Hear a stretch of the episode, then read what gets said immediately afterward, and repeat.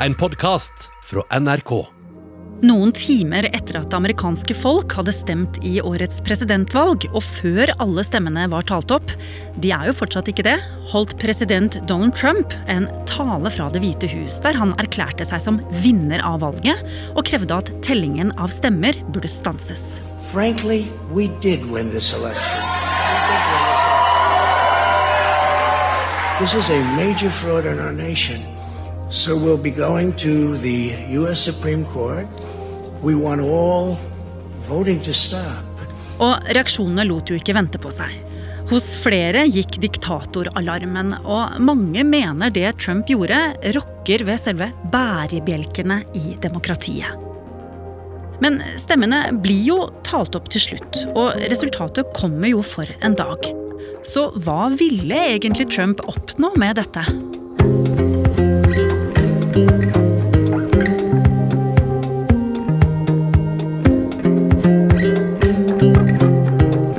hører på Oppdatert. Jeg heter Ragna Nordenborg.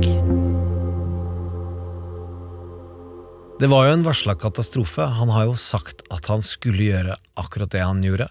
Men det å se noen utfordre demokratiet på den måten, og fjerne to av de viktigste pilarene, at alle stemmer skal telle, og at den som taper, må gi seg, det er helt fundamentalt. Gjermund Stenberg Eriksen er TV-serieskaper, og han er også programleder i podkasten Trump mot verden. Og så er han fast gjest her i Oppdatert. Gjermund, hva er det som er så farlig med at han sa det han sa? Du må ha tillit til valg. Det er hele oljen i systemet. Hvordan vi kan faktisk ha folkestyre, er at du kan lage en konkurranse mellom to eller tre eller flere kandidater, og så vinner en, og så taper noen, og så gir de seg. Hvis vi begynner å svekke tilliten til det, så blir det bråk. Men eh, Trump, tror du han eh, tar til seg den kritikken som har kommet fra omverdenen nå? Overhodet ikke. Det er ikke i hans karakter. Du må huske på en superstyrke vi tidligere har snakka om. Han eier ikke skam.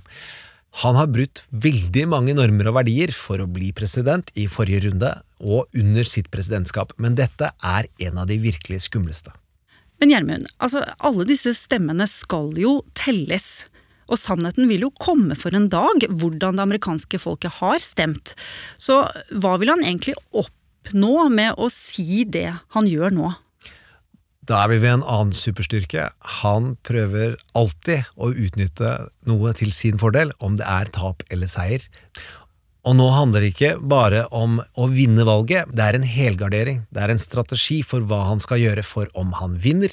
Og alle disse tre tingene du nevnte, ligger innbakt i den talen, der han erklærer seg som valgets vinner og krever at stemmetellingen skal stoppes. Ja, men hva han vil oppnå, det er det ikke alle som har snakket om. Ok, Gjermund, dette må du forklare. Hva har han å tjene på å erklære seieren for tidlig hvis han vinner? Husk når han skulle innsettes som president, så så vi at folkemassene ikke var så store som de var under Obama. Det var svære, lyse områder eh, der det var masse folk på Obama sine bilder. Likevel sier han jeg hadde de største folkemassene, jeg er større enn Obama. Og det gjør han fordi det er politisk kapital, oppslutning, som ikke måles i stemmer, men i stemning. Men øh, det blir jo avslørt. Det ble jo avslørt den gangen. Det, jo, men optikk det å skape inntrykk av størrelse og makt er viktig for Donald Trump, og det må vi gi han. Han er flink til å omsette det i verdier og politisk handlekraft. Som eksempel å si at 'jeg har full kontroll på korona', selv om folk dør i hopetall i USA. Ja. Men jeg skjønner fortsatt ikke helt, Gjermund, hvordan folk aksepterer den måten han framstiller sannheten på, eller undergraver sannheten. Det er viktigere med styrke enn sannhet, og det vi har sett i natt, er at folk stemmer på styrke og ikke sannhet, for de vet at han har løyet om noen ting, altså. Ok, nå må vi gå til det andre scenarioet. Hvis det blir veldig jevnt, hvorfor lønner det seg for ham å erklære seieren for tidlig da? Han vil gjøre alt han kan for å vri denne uavklarte situasjonen så han blir president. Hvis det blir så jevnt at hver stemme teller, og vi har vært nede i noen få hundretall stemmer som har avgjort presidentvalg tidligere, og da er det at han vil stoppe fintellingen hvis det er til fordel for han, og han vil utfordre hver enkelt stemme for om den teknisk sett skal godkjennes eller ikke. Mm. Og her er det jo mange som hevder at han er direkte inspirert av eh, presidentvalget i 2000. Ja, hvor opptellingen tok så lang tid, men hvor Bush hadde blitt erklært som vinner eh, lite grann i starten, selv om Al Gore kom tilbake og utfordra det, og da sa Høyesterett helt til slutt det blir for mye mas, her må vi erklære en vinner. Og så skar de igjennom, og da var det 500 pluss noen stemmer som avgjorde. Så Høyesterett stoppet tellingen fordi det tok for lang tid, og pekte på en vinner. Ja. Og det er det han håper skal skje nå. Ja, hvis det er så jevnt at det er fintelling det handler om. Ok, Gjermund, til det tredje scenarioet.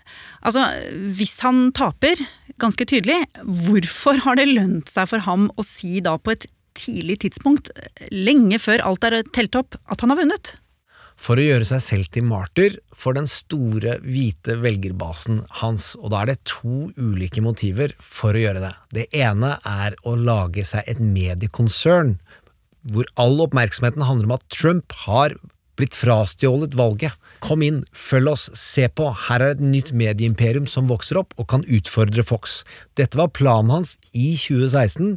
Dersom han skulle tape, så skulle han starte et medieimperium sammen med Roger Ailes, som grunnla Fox News, og hadde fått sparken fordi han hadde seksuelt trakassert mange kvinner. Sammen skulle de ta Fox og tjene masse penger. Men dette høres nesten ut som en konspirasjonsteori. Ja, men det er med godt, kjente, godt kjente kilder og dyktige journalister, så det er det jo ikke. Og han har fått folk til å laste ned apper på mobilen som har blitt brukt som valgkampverktøy nå, og de kan konverteres til å bli en egen medieplattform. Og da kan han jo tjene masse penger, og vi vet jo at han trenger det. fordi i New York Times da har det jo blitt avslørt at han eh, ikke er så rik som han gjerne fremstiller seg selv som. Han skylder rett og slett veldig mye penger. Ja. Men det var en ting til du sa. Ja, han har nemlig flere rettssaker som venter på han, og hvor han har vært beskyttet ved å være president. Og det å da hevde at disse rettssakene er politisk forfølgelse, er en viktig del av spillet hans. Så hvis Trump taper valget, så kan han si 'jeg var jo vinneren, men de stjal valget fra meg'. Og ikke bare det, nå skal de ta meg for retten også, nå som jeg ikke er president lenger. Og nå må dere egentlig bare la meg gå, fordi sånn kan jo ikke et land operere. Ja. Du har jo jobbet veldig mye med retorikk og kommunikasjon, Gjermund. Det er ditt spesialfelt. Hvor vellykket var da denne talen han holdt natt til onsdag? Det var vellykket, men han ofrer jo da noe av det største vi skulle beskytte, nemlig de sentrale demokratiske prinsipper. For han så fungerer dette så bra som overhodet mulig. Han får masse oppmerksomhet. Og åpner da muligens flere muligheter for seg selv dersom han skulle tape.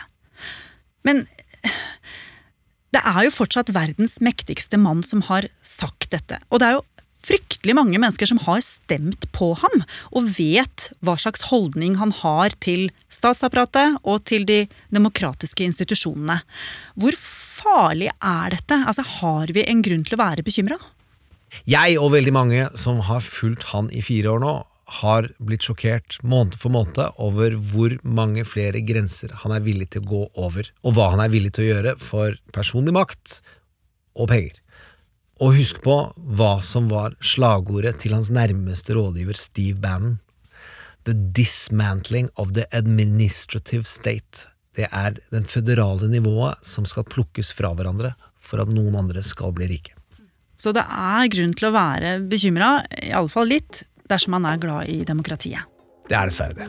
Frankly, we did win this election. This is a major fraud in our nation.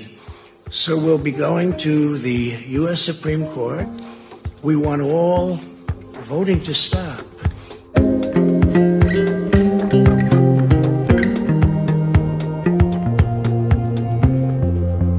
Har du lyst til å bli fast lytter av oss i Oppdatert og få påminnelse om nye episoder, så er det bare å abonnere på oss i NRK radioappen. Og så er det veldig hyggelig hvis du vil anbefale oss til en venn. Oppdatert er en podkast fra NRK Nyheter, og denne episoden er laget av Ida Tune Øretsland, Petter Sommer og meg, Ragna Nordenborg. Eva Midthun Leira er redaksjonsleder. Vil du kontakte oss, gjør gjerne det på oppdatert alfakrøll nrk.no. Du har hørt en podkast fra NRK. Hør flere podkaster og din favorittkanal i appen NRK Radio.